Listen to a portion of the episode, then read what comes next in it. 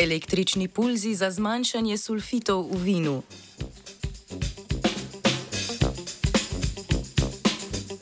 Španska raziskovalna skupina v znanstveni reviji Food Research International predstavlja možnost uporabe kratkih visokofrekvenčnih električnih pulzov za zmanjšanje količine dodanih sulfitov pri pridelavi vina.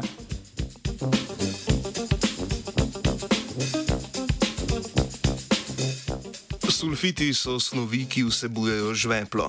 V vinarstvu je najbolj pogost sulfit žveplov dioksid, ki se pri pridelavi vina dodaja na skoraj vsakem koraku, še posebej pri belih vinih. Žveplov dioksid zavira rast mikroorganizmov, ki kvarijo vino. Poleg tega pa deluje tudi kot antioksidant, pomaga ohranjati barvo vina in hlapne spojine, ki dajo vinu aromo. Brez uporabe žveplovega dioksida je težko pridelati vino, ki ga lahko staramo več kot le nekaj mesecev, vendar se je podobno kot v drugih panogah živilske industrije v zadnjih letih tudi v vinarstvu pojavil trend opuščanja oziroma zmanjševanja uporabe kemičnih konzervansov, kot je žveplov dioksid.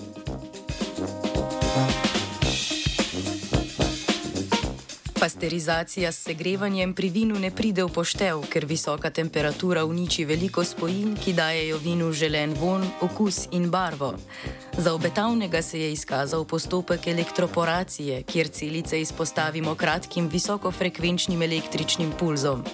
Z optimizacijo parametrov, kot sta dolžina in število električnih pulzov, je namreč z elektroporacijo možno inaktivirati mikroorganizme brez bistvenega povišanja temperature. Španske raziskovalke in raziskovalci so najprej izvedli več poskusov, da so določili optimalne parametre elektroporacije za inaktivacijo kvasov v vinu. Na to so v svojo raziskavo vključili belo vino iz sorte grozdja Chardonnay, ki so ga dobili od vinark in vinarjev takoj po končanem alkoholnem vrenju.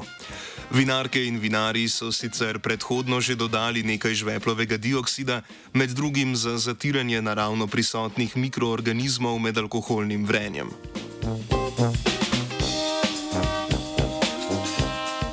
Pred stekleničenjem v sterilizirane steklenice so raziskovalke in raziskovalci vino razdelili na več vzorcev.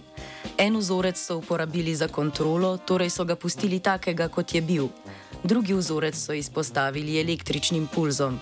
V tretji vzorec so dodali nižjo koncentracijo, v četrtega pa višjo koncentracijo žveplovega dioksida.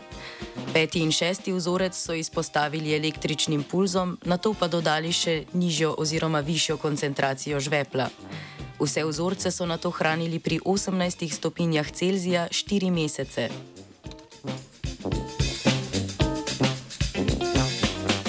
Po štirih mesecih so naredili več analiz, določili so, koliko živih kvasov, je prisotnih v vzorcih.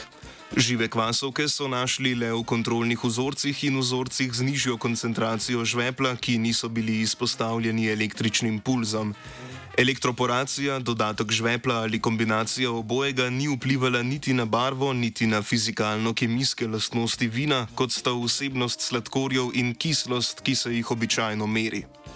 Pri meritvah hlapnih spojin, ki dajo vinu aromo, pa niso opazili zmanjšanja koncentracije teh snovi, kot je značilno za postopke brez dodajanja sulfitov.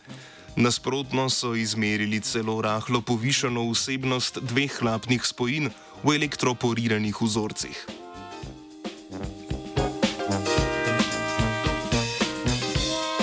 Na podlagi rezultatov meritev so zaključili, da je elektroporacija alternativa dodajanju žveplovega dioksida pri stekleničenju vina. Električni pulzi so namreč uspešno zavrli rast kvasov med zorenjem vina v steklenicah in niso spremenili fizikalno-kemijske sestave vina. Praktična omejitev za razmah uporabe elektroporacije pa je gotovo dejstvo, da je, drugače kot pri dodajanju žveplovega dioksida, potrebna dodatna, prav zato namenjena oprema.